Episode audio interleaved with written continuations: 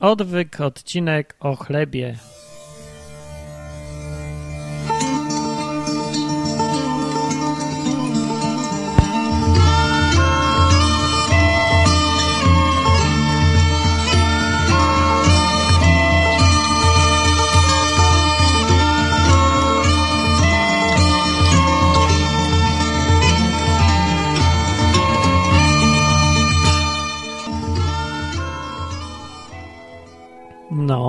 Nastąpił szczęśliwie 17 lutego 2009 rok. Odcinek nie wiadomo któryś, który tam już w kolejności przestałem liczyć i by mi się pomyliło. W każdym razie to jest drugi sezon odwyku podcastu o Biblii i Bogu, który się prowadzi tak po ludzku gadając, bez jakiejś zbędnej teologii i bez nowomowy i bez języka i bez kochani, kochani to, kochani tamto i bracia i siostry też bez takich rzeczy, bo nie każdy musi być bratem i siostrą. No, bo mottem odwyku było, że nie musisz wierzyć, ale powinieneś wiedzieć, co jest napisane w tej Biblii. I po to jest ten podcast. No. Po ostatnim razem było o piekle, postanowiłem sobie poczytać o tym piekle i poopowiadać, co tam Biblia mówi tak naprawdę, w oryginale zwłaszcza. No. I ktoś wymyślił, chyba Robert, tak, Roberta pozdrawiam, wymyślił taki pomysł, żebym na początku odwyku e, mówił o tym, nie, odpowiadał na pytania słuchaczy. No i słuchacze sobie to wzięli do serca i mnie zarzucili pytaniami i bardzo dobrze. Nie czytałem ostatnich komentarzy do poprzedniego odcinka, przepraszam, nie zdążyłem. No trochę, nie wiem, czasu ostatnio. W ogóle jakaś taka przerwa się zrobiła w odwyku Sorry, sorry, przepraszam. Wybaczcie, no wybaczcie mi, kochani bracia i siostry, kochane i wy, niewierzący, oraz wy, sataniści, którzy słuchacie tego odcinka, i wy, hinduiści, hipisi i, i fundamentaliści islamscy też mi wybaczcie. Wszyscy mi wybaczcie w ogóle.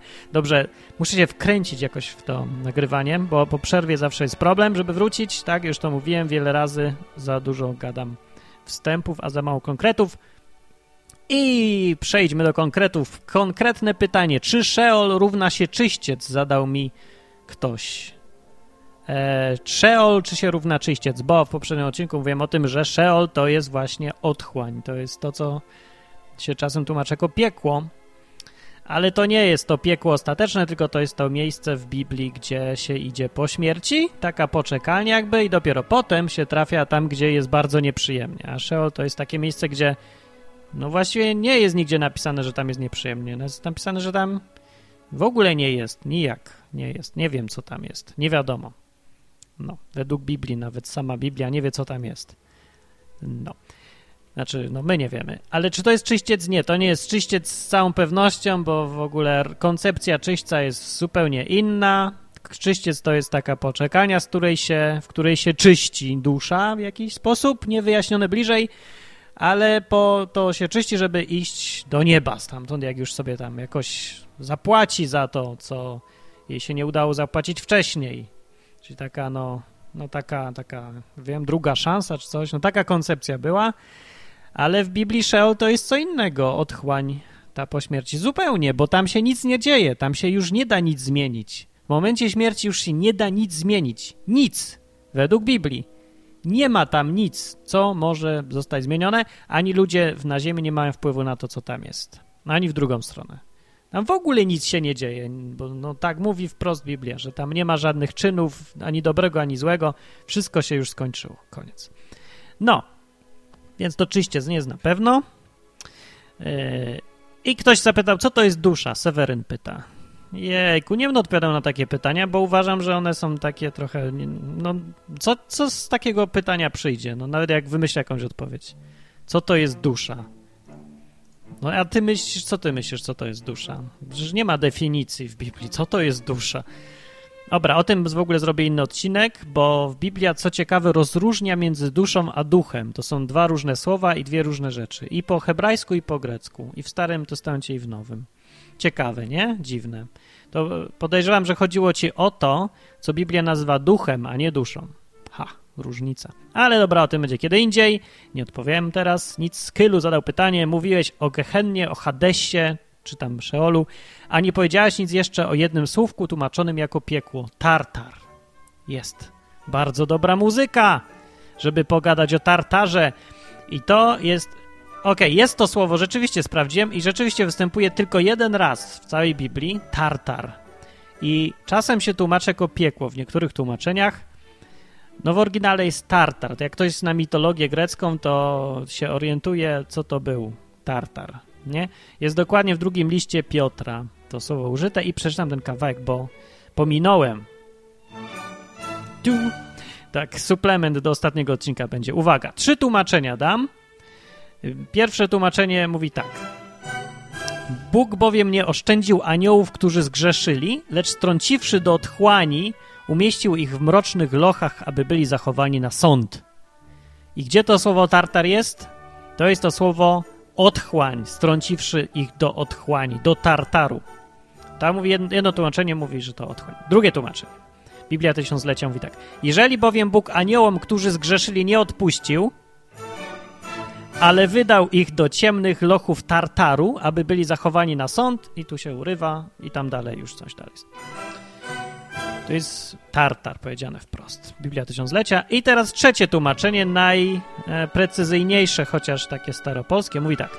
Albowiem jeśli Bóg aniołom, którzy byli zgrzeszyli, nie przepuścił, ale strąciwszy ich do piekła, poddał łańcuchom ciemności, aby byli zachowani na sąd, coś tam, coś tam.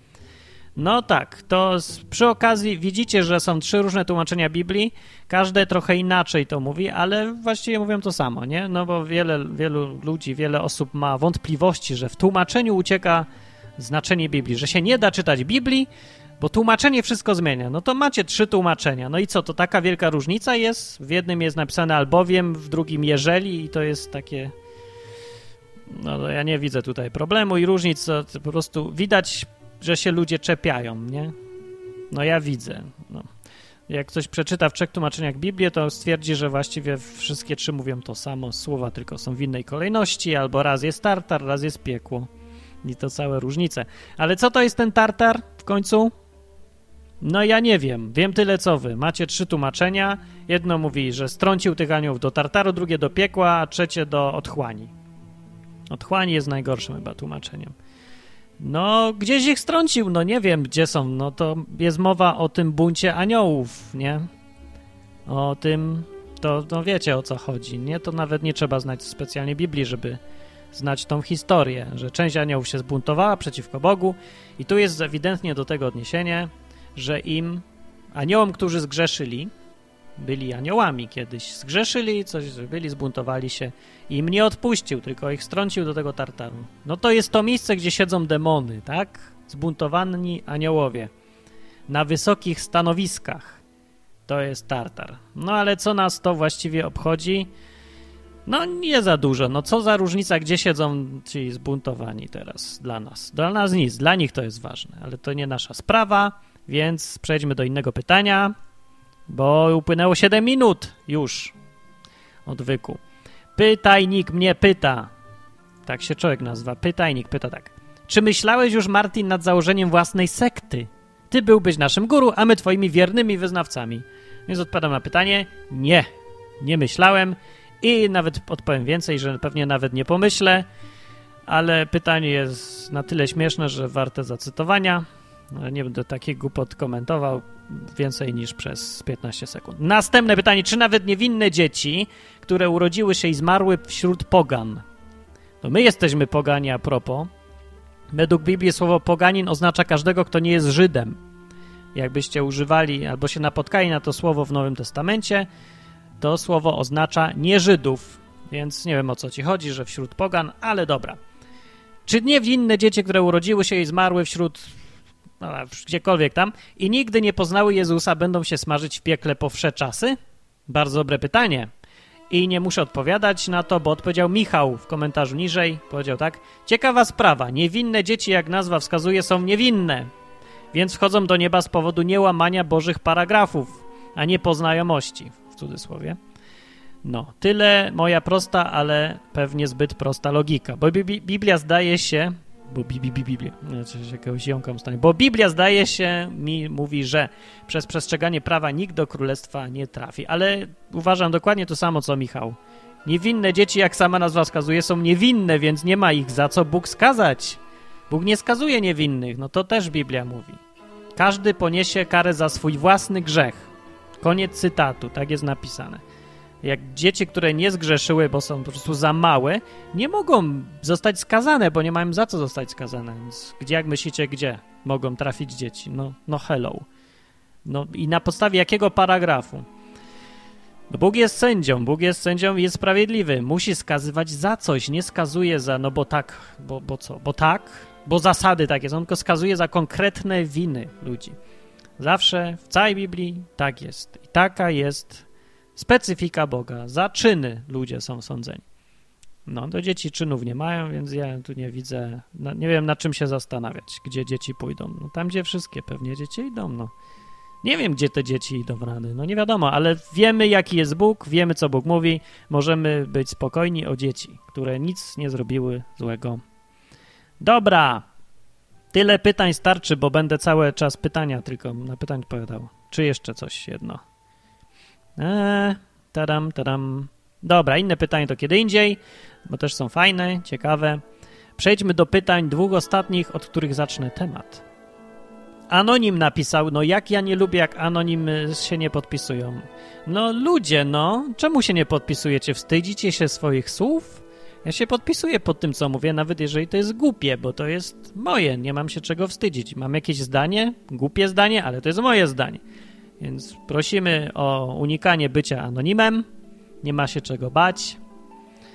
No, ale powiedział ten anonim tak. Jak ty się odnosisz do słów, które są w Biblii, to czyńcie na moją, pamią na moją pamiątkę. Ogólnie chodzi mi o Eucharystię i tak dalej. Czy chodzisz na mszę świętą, czy sami odprawiasz, czy jak? Pyta anonim. No nie chodzę na mszę, byłem, ale byłem niedawno. Kiedy byłem? W Warszawie byłem trzy tygodnie temu, czy jakoś tak byłem. I nie, nie odprawiam mszy. I czy jak? Jeszcze pytanie było, czy jak? Jak? No nijak, no ja tam nie mam nic wspólnego z mszami. No, bo jak mówię, ja się trzymam Biblii. W Biblii mszy nie ma i nie są potrzebne, w ogóle nie ma takiej koncepcji. Nie widzę za bardzo sensu. To wynika z trochę innych rzeczy, ale o tym kiedy indziej. Ale ważniejsze pytanie jest, jak się odnosisz do słów, które są w Biblii, to czyńcie na moją pamiątkę. Tak powiedział Jezus, przypominam, zaraz przeczytam, gdzie to powiedział i dlaczego i po co i o co chodziło. I tak powiedział, żeby uczniowie jego to czynili na moją pamiątkę. No i ja, jako że się identyfikuję jako jego uczeń, to czynię na jego pamiątkę. Tak. A co czynię, to będzie za chwilę. Jeszcze tylko powiem, że Kasper powiedział tak, ale właśnie Martin, co myślisz o Eucharystii? Powiedział znów, bo w Biblii jest napisane, cytat, kto spożywa ciało i krew moją, będzie żył na wieki, koniec cytatu. Tak. Chodzi tu o odprawianie mszy? Znów się zapytał, co wy macie z tą mszą? Gdzie tu jest w tym zdaniu msza? Kto spożywa ciało i krew moją, będzie żył na wieki. Gdzie tu jest mowa o mszy? Skąd wam to do głowy przyszło, szanowni słuchacze? Ja tego nie widzę tu. A, a może spożywanie ciała Bożego to jakiś synonim do czytania Słowa Bożego? Pyta też Kacper. No więc ani jedno, ani drugie, a myślę, że to jest trzecie i o tym, co myślę, powiem właśnie teraz mniej więcej. Uwaga. No, jak się wyłącza ten podkład? Teraz.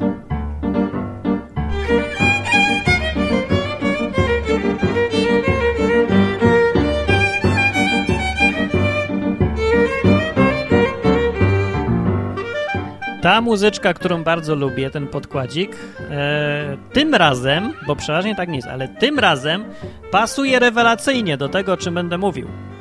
Pasuje, albowiem to wszystko, e, co Jezus mówił, przypominam, że to wszystko się działo e, w tamtejszej właśnie kulturze. No i wszystko się to działo w czasach, kiedy Nowego Testamentu nie było. E, wszystko się działo w czasach znaczy w miejscu, gdzie żyli Żydzi i judaizm był ogólnie obowiązującą taką, no tam religią. Tak? Więc to jest jak najbardziej na miejscu, ta muzyczka i wczujmy się w kontekst. Bo to, co się działo, jest bardzo ściśle związane z tamtym kontekstem. No, to nie jest takie ponad, jakby, hmm, ponad religijne to wszystko, co się działo, o czym zaraz będę mówił, tylko to się, to jest zasadzone w judaizmie, bardzo głęboko. Nawet nie w judaizmie, w tym co w hebraizmie nawet. To się wszystko zaczęło jeszcze od czasów Mojżesza i Egiptu. E, I to, co Jezus zrobił, to nie było coś, co wymyślił, to było coś, co jakby tak zinterpretował, wykorzystał coś, co już było. Tak.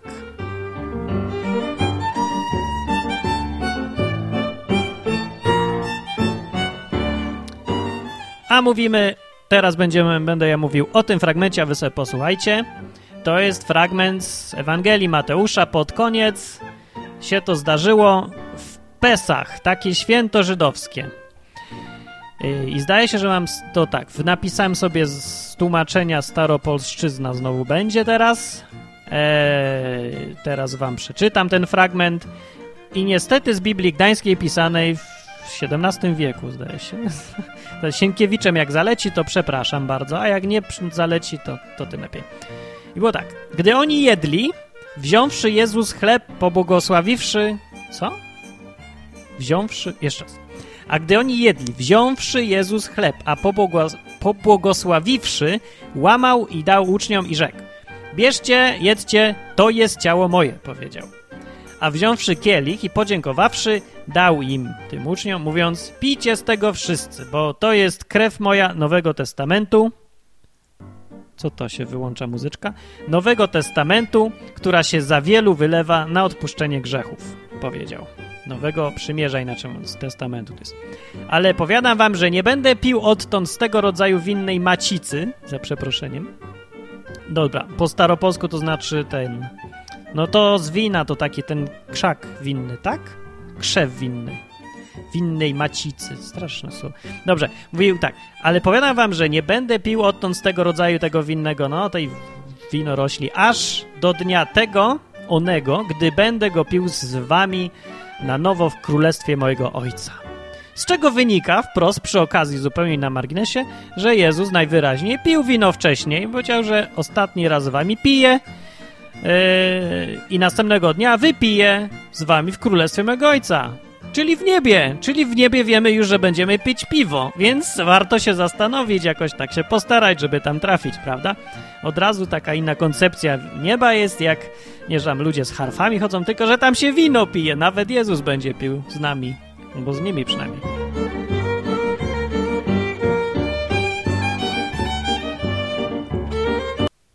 Ojoj, przepraszam, pomyliłem guziki. Dobrze, mieszam już z tymi kombinowania z guzikami. Yy, I skończyła się ta historia tak, że zaśpiewawszy pieśń, wyszli na górę Oliwną, która jest tam niedaleko właśnie Jerozolimy, czy nawet w Jerozolimie chyba. Tam mniejsza z tym, gdzie jest góra. Co to jest w ogóle za zdarzenie i co ja przeczytałem? Ludzie znacie to wszystko z mszy. Najprawdopodobniej jak ktoś chodził, jak ktoś nie chodził, to, to, to też pewnie zna, nie wiem, bo to dosyć znany chyba fragment, prawda? E, kościół katolicki, taki jest marginalny kościół w Polsce, jeden z kościołów, jeden z kilkudziesięciu zarejestrowanych kościołów w Polsce. Dobra, żartuję. Największy zarejestrowany kościół w Polsce. E, uważa ten fragment za ustanowienie sakramentu Eucharystii. Tak się to mówi. E, no nie wiem, jak to wyjaśnić, jak ktoś nie wie o co chodzi, a mniejsza z tym, nieważne to jest. ci, co wiedzą, to wiedzą, ci, co nie, nie muszą co to jest ta Eucharystia, skomplikowane dosyć jest. To jest coś, co się robi na mszy i robić to może tylko ksiądz, tak? Tak, mniej więcej. I po co się to robi? O, i to jest dobre pytanie. Po co się to robi? Co się robi w ogóle? Bierze się opłatek, bierze się wino, ksiądz to je i pije i twierdzi, że to jest e, ciało Jezusa ale nie, że takie jakoś tak na pamiątkę symbolicznie, tylko że to naprawdę jest ciało Chrystusa, Jezusa, Mesjasza i nazywa się ten, e, żeby nie było wątpliwości, nazywa się ten cały proces, kiedy ten ksiądz podnosi ten opłatek i wino pije i coś tam mówi, nazywa się to przeistoczenie, bo ten opłatek fizyczny, techniczny opłatek, kawałek chleba pszennego i to wino, rozcieńczone zdaje się niestety jakąś wodą, zamienia się tak twierdzą, yy, w ciało, no w, nie wiem, w tkankę, z DNA i tam wszystkim, tak? Albo w wino. Nie, tak naprawdę wiem, że taki dokładnie pogląd, jaki ja powiedziałem, istniał w kościele katolickim bardzo długo. E, że faktycznie to się staje ciałem podczas tego przeistoczenia. Wiedzieliście o tym? Bardzo długo Kościół katolicki twierdził, że do, od tego momentu to jest prawdziwe ciało. Takie no z, z tkanką i tak dalej, że tam w środku jest DNA, właśnie jak mówiłem, i wszystko. No, tak twierdził, bo no nie wiedzieli, jak wygląda ciało. No myślę, że smakuje podobnie niby trochę, ale no coś już jakby się no, zmieniło. Smak trochę podobny do chleba, ale to jest ciało. Skóra, czy co tam, mięśnie, nie wiem. A to wino to je, normalnie jak krew smakuje. Nie wiem, ale tak twierdził, taka była oficjalna doktryna kościoła i ludzie mieli w to wierzyć, bo, bo, bo nie mieli nic do gadania, nie? Bo nie znali Biblii może dlatego. No nie wiem, ale później to trochę to, tak się zreformowało wszystko i, i teraz to ja już nie wiem dokładnie, jak się twierdzi, czy to jest faktyczne ciało i krew, czy co. Nie wiem. Ja wiem, mówię, co mówi Biblia i to, co mówi Biblia, to właśnie teraz powiem. I powiem, zacznę od tego, a jesteś jak się dzisiaj plątam, zacznę od tego, że powiem, skąd się to w ogóle, co tam Jezus wtedy robił, wzięło.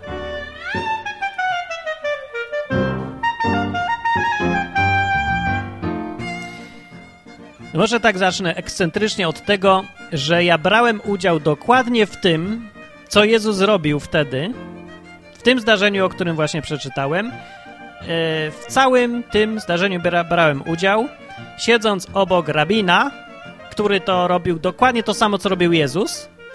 I siedziałem tak jak Jan siedział wtedy, kiedy Jezus to robił. Przy tym rabinie miałem na głowie nawet jego kipę, to jest to taka czapka, taka mycka, takie coś jak papież, malko czarne. E, nalewałem mu wino i piłem obok niego to wino. I dokładnie to było to, co Jezus zrobił. Więc wiem, o czym mówię. Z pierwszej ręki. Byłem tam, tak, znaczy no nie 2000 lat temu, tylko z 10 lat temu to było. Byłem w synagodze, niedaleko stąd, gdzie teraz, skąd teraz nadaję. I wiem, jak to wygląda. Tak wam powiem. E, I mogę sobie dokładnie wyobrazić, w którym momencie Jezus to powiedział i jaki był przebieg tego wszystkiego. Dlaczego? Dlatego, że ta procedura, o której mówimy, nie zmieniła się praktycznie od 2000 lat. I kawałek jeszcze nawet. Bo to jest taka liturgia. To, co Jezus zrobił wtedy, to odprawiał tą liturgię paschalną. To się po hebrajsku nazywa nie liturgia, tylko seder. Seder to po hebrajsku znaczy porządek, or, order, no, porządek. Porządek dziania się rzeczy podczas tego, podczas Paschy, bo mówimy o święcie Paschy hebrajskiej. Tak, no i ja nie będę tam wyjaśniał, jak się po kolei, co się dzieje po kolei podczas Paschy, e, co Żydzi tam sobie robią. E, no ale, no jak mówię, ta liturgia się nie zmieniła od wielu wieków. E, jakieś tam szczegóły techniczne się tylko zmieniły. No, ale można uznać, że jest to albo dokładnie to samo, albo bardzo zbliżone do tego, co robił wtedy Jezus. I czemu on to robił w ogóle? I z jakiego powodu, z jakiej racji? No bo wszyscy Żydzi mają świętować Paschę na pamiątkę tego, że jeszcze tam wcześniej, ileś wieków, tysiąc ileś lat wcześniej, nie wiem, więcej, no od tych czasów Jezusa jeszcze wcześniej, naród hebrajski był niewolnikami w Egipcie, potem przyszedł Bóg, pok przyszedł, no, pokazał się Mojżeszowi, po hebrajsku Mosze i Mosze i wziął i tam zrobił parę cudów, tak w skrócie mówiąc, i od tych cudów Faraon szef najpotężniejszego kraju w tamtych czasach wziął i ich nie tylko wypuścił, ale ich wykopał z tego kraju, żeby wyszli i nie wracali. Po czym gdzieś tam w połowie, jak już byli w drodze, to nagle doznał olśnienia i powiedział, co ja zrobiłem? Więc wysłał za nimi największą armię świata i ta armia nie wróciła nigdy. No właśnie, już wcześniej, już z powrotem do faraona. Więc ogólnie no nie popisał się i za to Bóg bardzo pokazał, że może robić co mu się żywnie podoba z każdym narodem, jaki mu się żywnie podoba. Chociaż to był największy, najsilniejszy. I od tego momentu ten naród, Hebrajczycy, zdobyli wolność, stali się wolni, victory, freedom i y, od tego momentu też zaczęli być własnością tego Boga hebrajskiego. I na pamiątkę tego Jezus zrobił dokładnie to wszystko, to odprawiał ten cały seder. Y, swoją drogą się zastanawiam, czy przeszedł przez tą całą liturgię, czy jakoś tak coś ominął, ale podejrzewam, że no, robił mniej więcej to, co wszyscy Żydzi wtedy robili w Pesach, bo Bóg kazał to robić, więc Jezus jako Jezus miał tam, on tak nie lubił tych, tych takich właśnie liturgii, tych talmudycznych jakichś przykazań dziwnych, dodatkowych, ale Biblii na pewno się trzymał. i tam Bóg kazał robić te różne rzeczy po kolei. Ja to widziałem, nie chcę mi się mówić, możecie sobie poszukać w internecie, na czym to polegało, jak to wygląda. Ale jest tu napisany, ten cały fragment zaczyna się od tego, gdy oni jedli, to Jezus wziął ten chleb, właśnie w którymś momencie pogos, pogo, pobłogosławił, łamał im, porozdawał. I to wszystko się działo, jak ja byłem w synagodze też. Rabin wziął, połamał ten chleb i porozdawał tym ludziom. A potem jeszcze napisane jest, że e, wziął tu Jeszua, ten Jezus wziął kielich z winem, podziękował i rozdał i mówił pijcie z niego. Da, da, da. I dokładnie to samo się działo, kiedy ja byłem, siedziałem koło tego rabina. Rabin wziął kielich, wszyscy wzięli swój przy okazji, bo każdy sobie tam miał wtedy. Yy, coś tam mówił i wypił. Z tym, że yy, podczas paschy wypija się cztery szklanki wina. Więc nie wiadomo, o które tutaj chodzi dokładnie w tej relacji Jezu, no, tu, gdzie jest napisane, że Jezus to zrobił. Który to był kielich? Podejrzewam, że trzeci. Dlaczego? No bo trzeci ma specyficzną wymowę w tej całej symbolice Paschy. Ale mniejsza z tym, nieważne. Ważne jest, że to jest to samo, co się i dzisiaj odprawia w synagogach. Co roku, w święto Paschy. I dlaczego o tym mówię? w ogóle. Po co ja taki długi wstęp robię?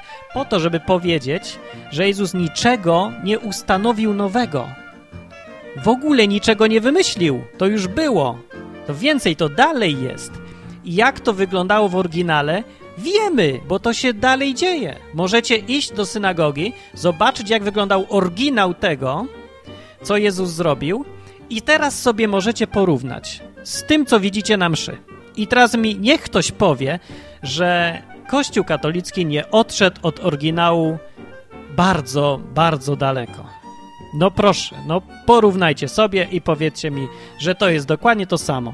No ludzie, no.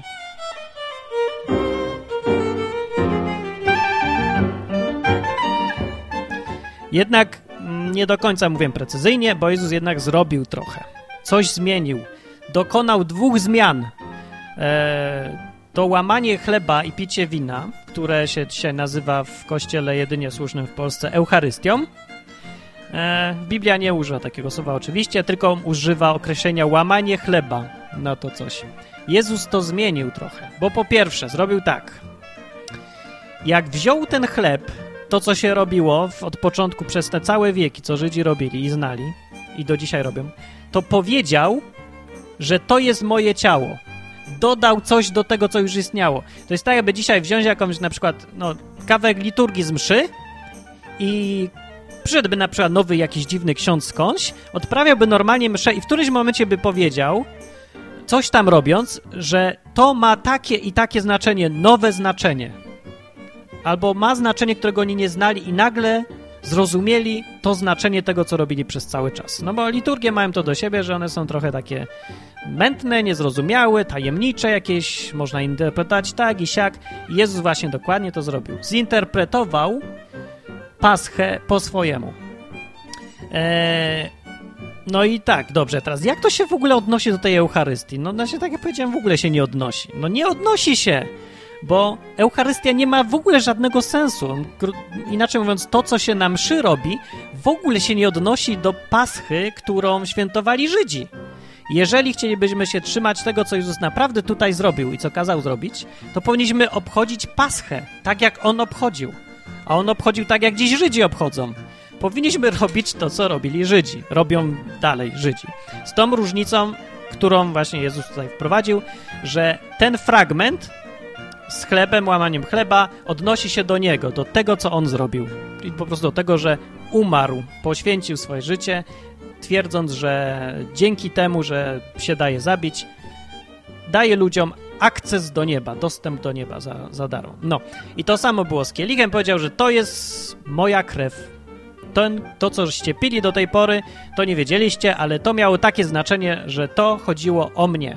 Ten kawałek liturgii mówił o mnie. I teraz, jak już będziecie robić ten kawałek liturgii, to będziecie wiedzieć, że ten kawałek mówił o mnie, że to jest na moją pamiątkę. Tak zrobił. I oni to tak na pewno rozumieli, no tak jak to każdy rozumie, zrozumiałby, gdyby to widział dzisiaj. No to już powiedziałem właśnie jakby przykład. Jakby ktoś tak zrobił na mszy, to by też wiedział, o co chodzi. Yy, no bo, bo znamy tą liturgię, więc tylko ktoś dał nowe znaczenie tego, co już znamy. No. Yy, I teraz takie, bo wracając do pytania, Kasper zapytał, e, czy chodzi tu o odprawianie mszy w tej liturgii, w tym, co Jezus powiedział, że no, no to z tego fragmentu się wzięło, mówiąc, że jedzcie ten chleb i pijcie to wino.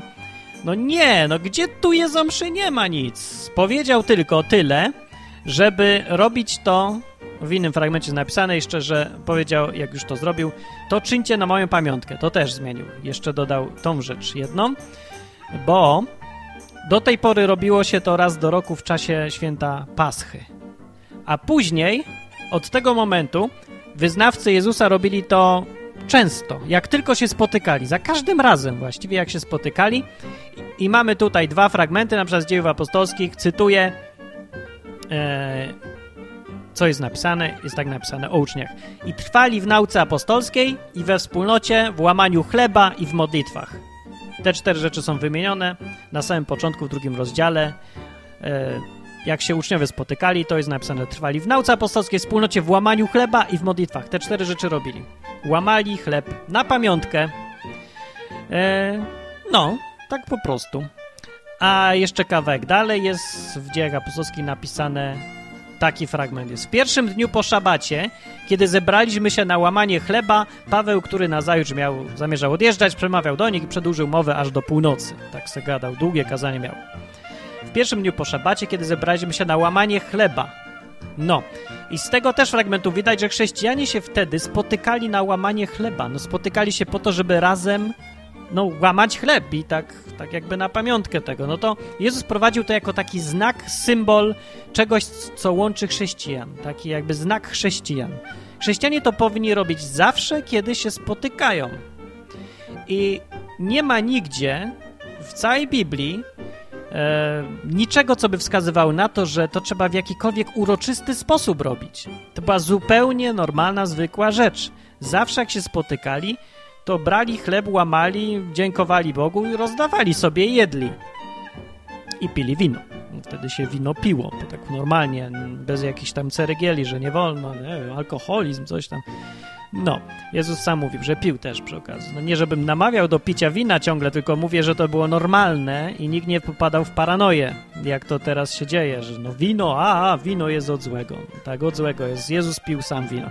Dobra, mniejsza z tym, nie, zbiega, nie odbiegajmy od tematu. E, I to chyba tyle na temat tego fragmentu. No, ile tam mi zostało? Za długo gadam? Bo jeszcze mam drugi, ale nie wiem, czy chce mi się o nim gadać, jak już tak długo gadam.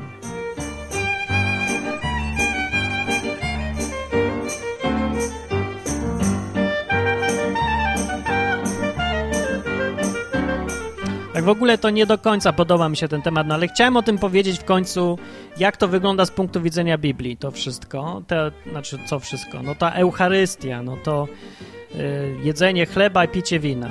Jezus, kiedy to o tym mówił, nic, no nic w Biblii nie wskazuje na to, że miał na myśli wymyślanie jakichkolwiek nowych rzeczy w ogóle.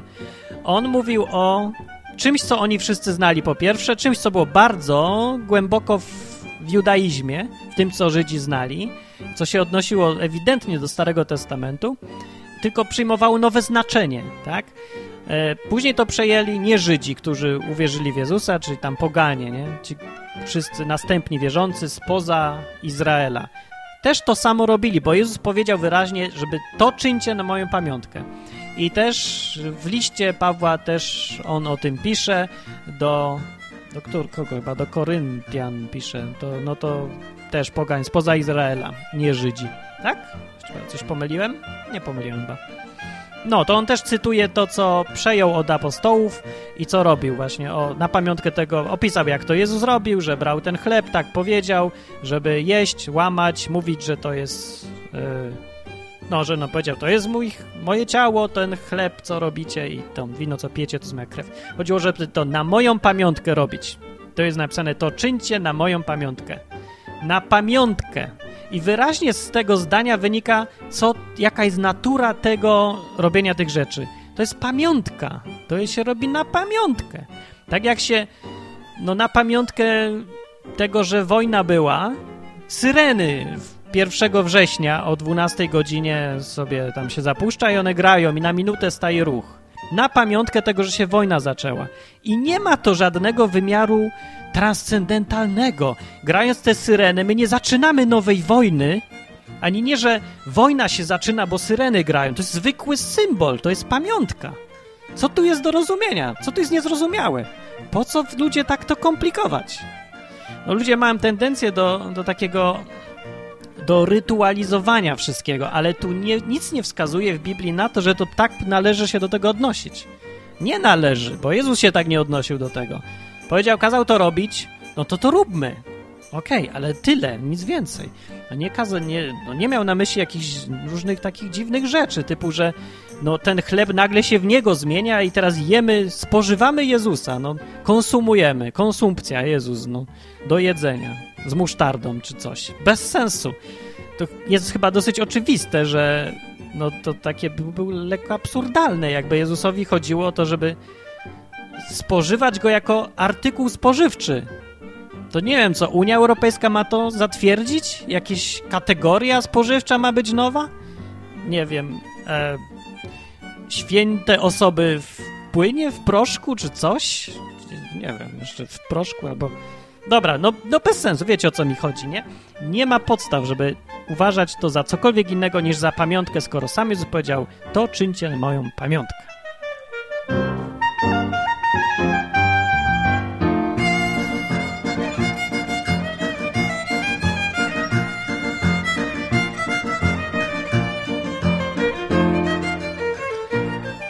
No ale to nie, może nie do końca jest przekonujące, bo są też inne fragmenty, kiedy Jezus no, gada, gada dużo o tym chlebie. On lubił się porównywać ciągle do chleba.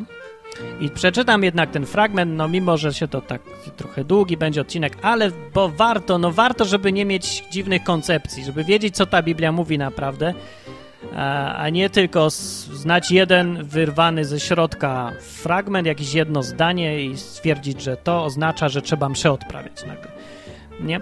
Co Jezus mówił konkretnie. E, w Ewangelii Jana w szóstym rozdziale, jak ktoś ma, to niech sobie poczyta. Tam Jezus mówi o sobie, ciągle się odwołuje do chleba. Cały czas o tym chlebie mówi.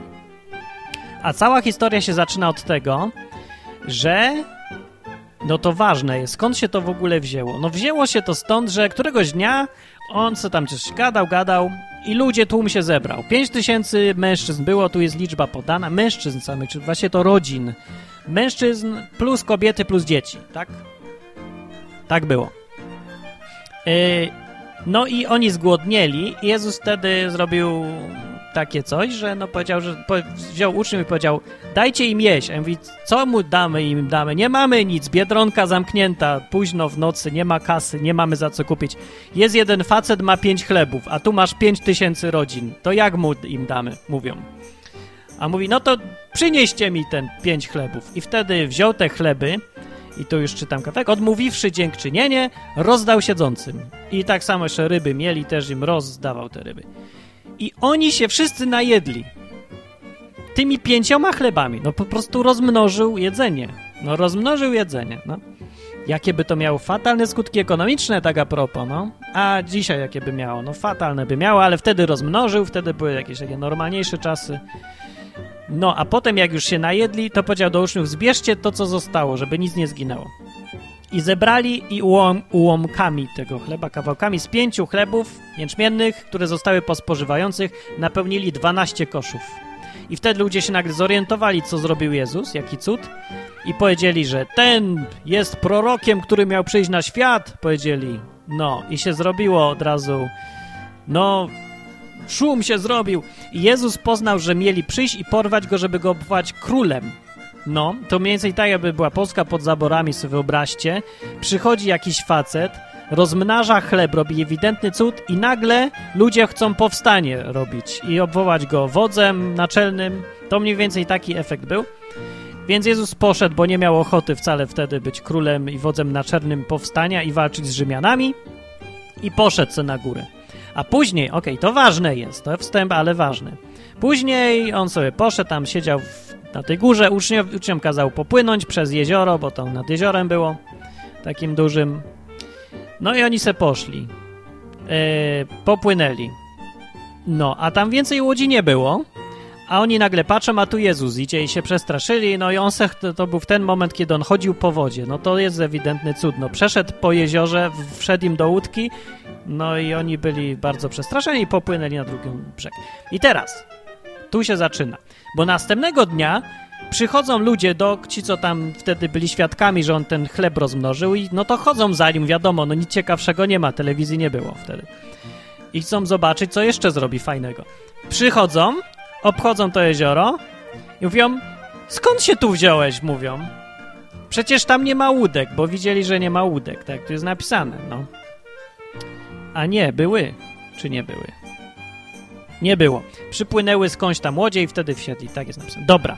No i, i, i się zdziwili, a on im mówi tak, jak go się pytali, no, się zaczyna opowieść od tego. Rabi! Mówią. Rabi, kiedy tu przybyłeś? Rabi, czyli mój rabinie.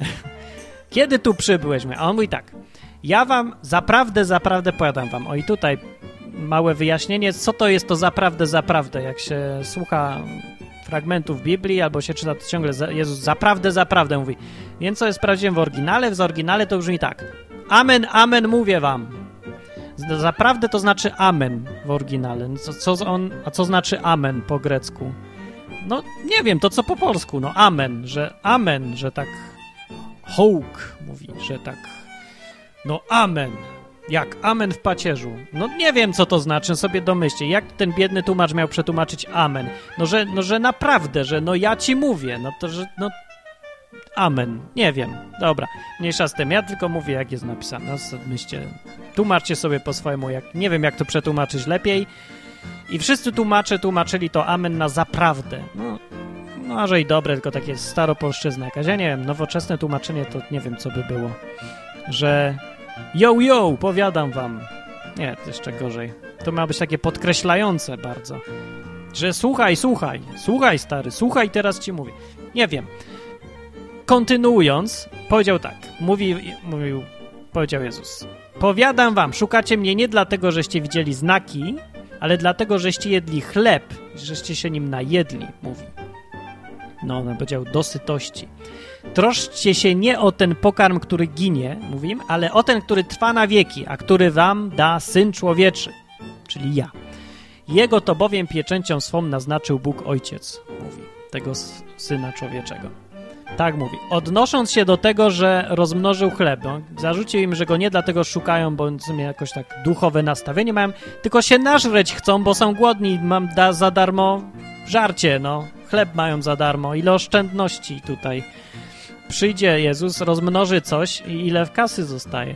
No, w ogóle, jak tu można fajnie wojnę prowadzić, zaopatrzeniowiec od razu. No i więc on, on tak mówił, że no dlatego za nim chodzą, bo się najedli. A oni mówią tak dalej. Cóż mamy czynić, abyśmy wykonywali dzieła Boże? I Jezus odpowiadając, rzekł do nich: Na tym polega dzieło Boga, abyście uwierzyli w tego, którego on posłał. I tu jest kluczowe stwierdzenie, że co oni się pytają, co mamy robić, żeby się Bogu podobać, a on mówi: Macie wierzyć w tego, którego on posłał, no, czyli we mnie. Nie?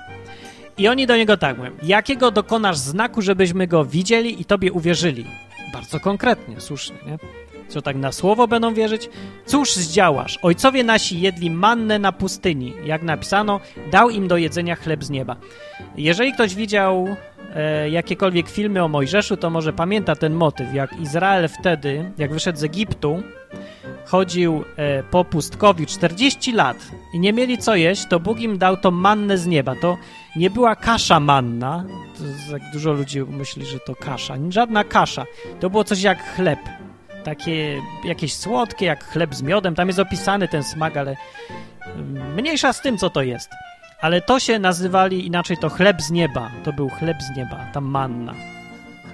I stąd się wzięła cała ta, całe to gadanie o chlebie się wzięło z tego właśnie. Jezus się porównał siebie samego do tego, że wtedy dostali mannę. Ten chleb z nieba. I on mówi tak właśnie.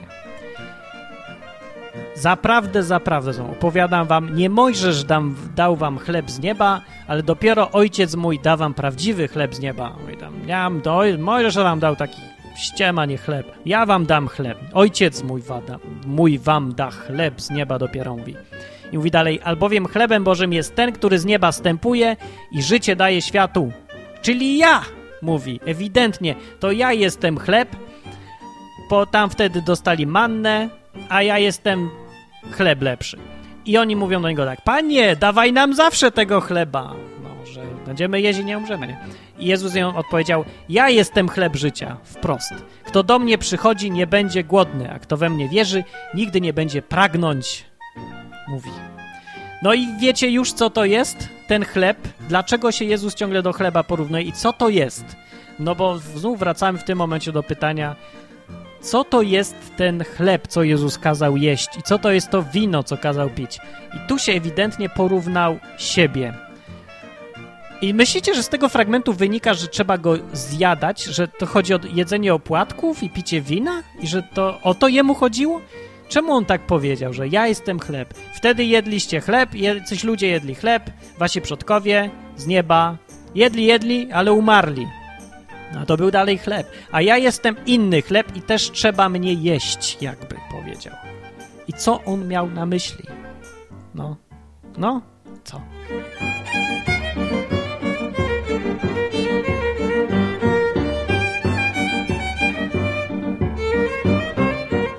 On tam dalej mówi, mówi, mówi, mówi, mówi, mówi i przemi, pomijmy sobie, bo mówi nie o chlebie. Eee, a, bo dobra, tutaj mówi dalej, kawałek mówi tak. Żydzi szemrali przeciwko niemu, on tak gadał, gadał o tym chlebie, mówi yy, i mówią tak, Żydzi szemrali przeciwko niemu, jest napisane, dlatego, że powiedział, ja jestem chleb, który z nieba stąpił, mówi. I mówili tak, czy to nie jest Jeszua ben Josef, którego ojca i matkę znamy? Jakże może on teraz mówić, z nieba stąpiłem? Czy to nie jest Jezus, syn Józefa, Jeszua ben Josef? No, jak może mówić z nieba stąpiłem? No, no tak. Jezus rzekł im w odpowiedzi, nie szemrajcie między sobą, mówi. Nikt nie może przyjść do mnie, jeżeli go nie pociągnie ojciec, mówi i tak dalej, coś mówi, mówi, mówi, mówi, mówi, kawy dalej mówi już tak. Zaprawdę wam powiadam, to we mnie wierzy ma życie wieczne. Mówi, ja jestem chleb życia. Ojcowie wasi jedli mannę na pustyni i pomarli. A to jest ten chleb, który z nieba zstępuje. Kto go spożywa, nie umrze. Mówi, ja jestem chlebem żywym, który stąpił z nieba. Jeśli kto spożywa ten chleb, będzie żył na wieki. I chlebem, który ja dam, jest, uwaga, moje ciało za życie świata, mówi. No, rozumiecie już, czy nie jeszcze? Żydzi też nie rozumieli, bo sprzeczali się więc między sobą, tutaj jest napisane, i mówili tak, jak on może nam dać swoje ciało do spożycia? I to jest pewnie dokładnie to pytanie, które sobie człowiecze zadajesz teraz. Jezus tak im odpowiedział, uwaga, tak wam powiadam, jeżeli nie będziecie spożywali ciała Syna Człowieczego i nie będziecie pili Jego krwi, nie będziecie mieli życia w sobie, mówi. Kto spożywa moje ciało i pije moją krew, o, to ktoś zacytował, ma życie wieczne, a ja go wskrzeszę w dniu ostatecznym. Yy.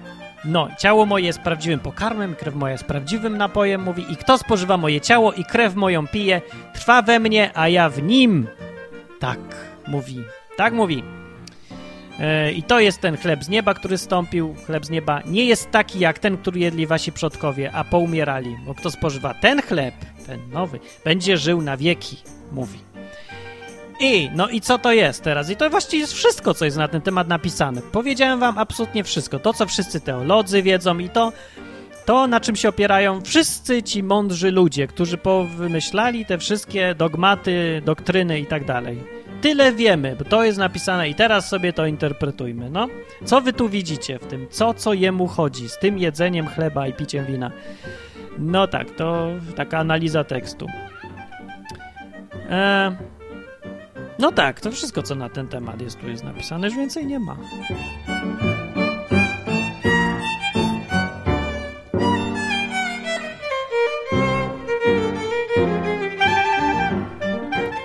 Kacper zapytał na początku, ta audycja się od tego zaczęła, yy, czy chodzi tu o odprawianie mszy, czy może spożywanie ciała Bożego to jakiś synonim do czytania Słowa Bożego? No więc nie widać tutaj w tych fragmentach, żeby jakakolwiek msza była, no. Widać? Jest coś tu o mszy? Jest napisane? Że o to odprawianie czegokolwiek? A może spożywanie ciała Bożego to jakiś synonim do czytania Słowa Bożego? No też tego nie ma. Gdzie tu coś Jezus kazał Biblię czytać? Nie, on mówił tylko o sobie. Ja mówił, że to jedzenie chleba, jedzenie chleba daje życie. I tak samo jedzenie mnie daje życie, cokolwiek to znaczy. I różnica jest tylko taka, że jak się je zwykły chleb, to się w końcu i tak umrze. Kiedyś tam. A jak się je mnie, to się nigdy nie umrze. Ale to jest mniej więcej to samo, ten sam proces. No, tyle wam powiem, jak ja to widzę po czytaniu tego parę razy i zastanawianiu się nad tym, o co jemu chodzi. No to nie wiem, dla mnie to jest dosyć ewidentne. Jemu chodzi o to dokładnie, co powiedział pod koniec tego, tej całej, tego całego przemówienia. Yy, da, da, da, da. Szukam, szukam, szukam, szukam. Tu tak powiedział bardziej wprost w jednym miejscu. Aha. Tu. Tu jest napisane: Kto spożywa moje ciało i krew moją pije, trwa we mnie, a ja w nim. Jak się przeczyta resztę tej Ewangelii, to widać, że ten motyw się ciągle powtarza o tym, że ja jestem w Ojcu, wy jesteście we mnie i wy jesteście w Ojcu i On jest w was i o tym, żeby tak żyć po prostu. Tak jak Jezus żył z Ojcem, tak jakby tak, tak blisko Niego, tak się dobrze znali, że tak ze sobą współpracowali, że byli w zasadzie jednym, nie? To tak jak jest mąż i żona i oni się mogą tak dobrze znać, że oni prawie już słyszą swoje myśli, nie? No, że można powiedzieć, że stali się jedno. Tak jak... No, no tak, to jest najlepsze porównanie. Tak samo jak Jezus Jego Ojciec. Kiedyś On mówił, że Syn Człowieczy nie robi nic, czego nie widzi, że Ojciec robi. No, bo inaczej mówiąc, że Jezus robi tylko to, co wie, że Jego Ojciec robi, bo odnosił się do tych cudów swoich, które robi. On po prostu wiedział, że to Jego Ojciec robi ten cud i wtedy On robił ten cud. Po prostu to jest taka jedność dwóch osób. I o to, o tym pisze ciągle Jan w Ewangelii. I to jest dokładnie to, o czym Jezus tutaj mówił. I o tym trwaniu w Nim. On tam właśnie to porównał. Jedzenie chleba do trwania w Nim. No i takie to jest coś. O to jemu chodziło. Bo innego znaczenia to ja tutaj jako żywo nie dostrzegam. I inne znaczenie by było, jest strasznie naciągane i za bardzo sensu nie ma. No tak jak sobie jemy codziennie śniadanie, e, obiad i kolację po to, żeby żyć. To tak samo Jezus mówił, że trzeba z... żywić się nim, nie? Po to, żeby żyć. Trzeba go jakby mieć w sobie tak, jak się ma chleb w sobie, że się go je. Czy to o czytanie Biblii chodzi? E, tak nie za bardzo, no. To raczej chodzi o, o to, żeby codziennie po prostu żyć z Jezusem. Jak to, nie wiem, czy jak to można ładniej ująć, no to trochę tak czy inaczej jest tu jakaś tam poezja, jakieś tam porównanie, jakaś tam przenośnia. To nie jest wprost, no nie można jeść wprost kogoś, wiadomo. Żydzi też tak myśleli, że może o tym, o to mu chodzi. Myśleli pewnie, że zwariował, jak się zastanawiali, jak on może nam dać swoje ciało do jedzenia. No. No próbowali to zrozumieć wprost. Co właściwie, no, czemu nie? Tak się powinno robić. Zresztą istnieje bardzo dobra zasada przy interpretowaniu tekstów wszelakich, żeby nie, nie mnożyć bytów ponad potrzebę. Czyli żeby najprostsze możliwe wyjaśnienie brać pod uwagę na początku.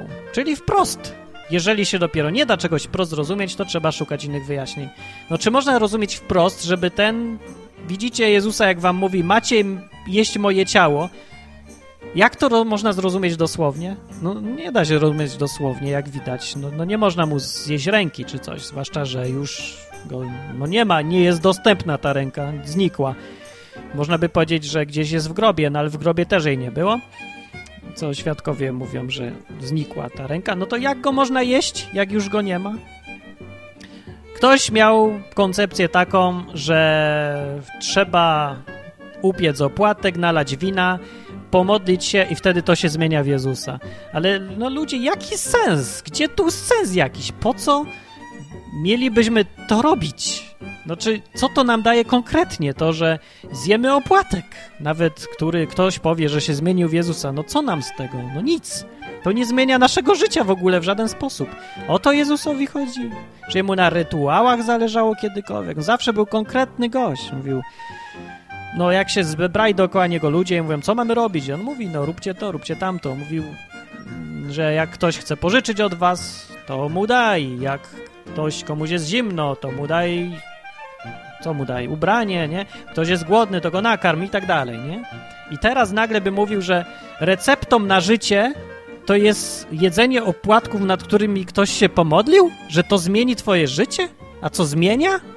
No jakoś nie widzę, no, no nie przybywa od tego. Dużo ludzi chodzi na msze, jakoś nie widzę, żeby to zmieniało ich życie, szczególnie, no żyjemy w Polsce, która nie jest jakoś szczególnie znana z tego, że tu uczciwi, szlachetni, dobrzy ludzie mieszkają. A większość tych uczciwych, szlachetnych ludzi niby, no je, tak? Je i pije, no głównie je opłatki na mszy. Więc nie, no bez paranoi. Jezus nie, no nie jest takim kimś, no nie jest, w Biblii taki nie jest. I nie o takie rzeczy mu chodzi, nie o rytuały, nie jakieś podejrzane przemiany, które tylko teoretycznie istnieją.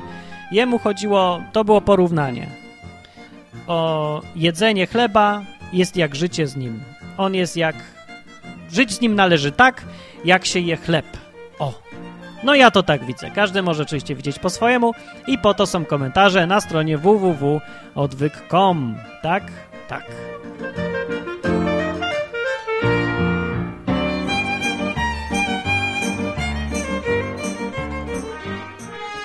O ile dzisiaj straszliwie długi odcinek, ale no nie wiedziałem jak to krócej wszystko powiedzieć.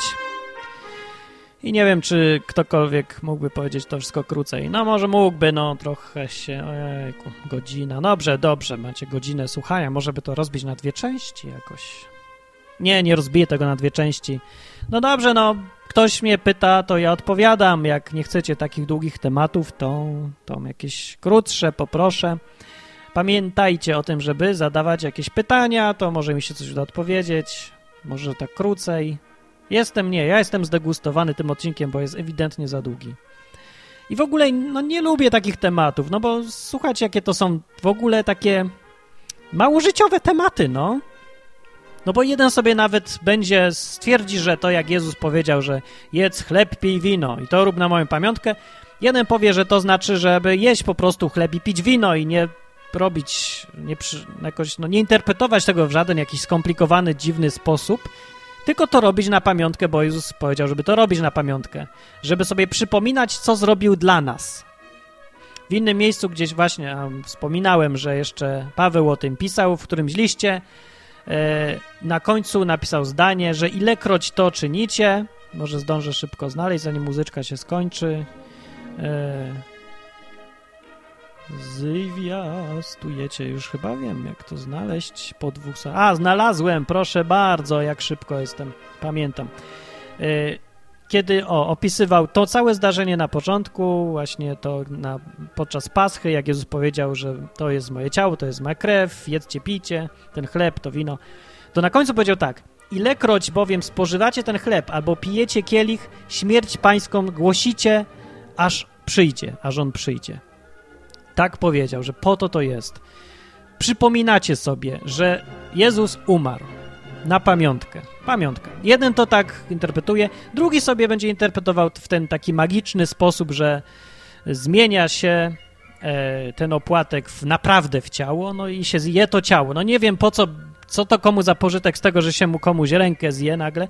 No wiem, że prymitywne ludy wierzą, że jak serce wojownika zjedzą, to będą odważniejsi, ale no ludzie, no nie bądźmy no dzikusami z dżungli, no, no hello, no hello. To i nie róbmy, nie wprowadzajmy do chrześcijaństwa magii może, albo takich e, jakichś rytuałów bardzo pogańskich, takich pogańskich, pogańskich.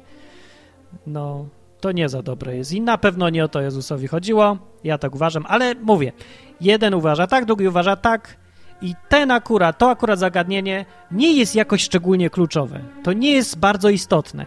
I bardzo by mi się nie podobało, jakby się ludzie strasznie o to kłócili, w komentarzach zwłaszcza pod odwykiem na stronie www.odwyk.com, więc zachowajcie trochę luzu, yy, no, kładźcie taką wagę do tematów, jakie, jaka im się należy. No to akurat ten temat nie ma aż takiej dużej wagi. No. A, no i to w sumie wszystko. A mówił Martin. A komentarze piszcie na stronie www.odwyk.com.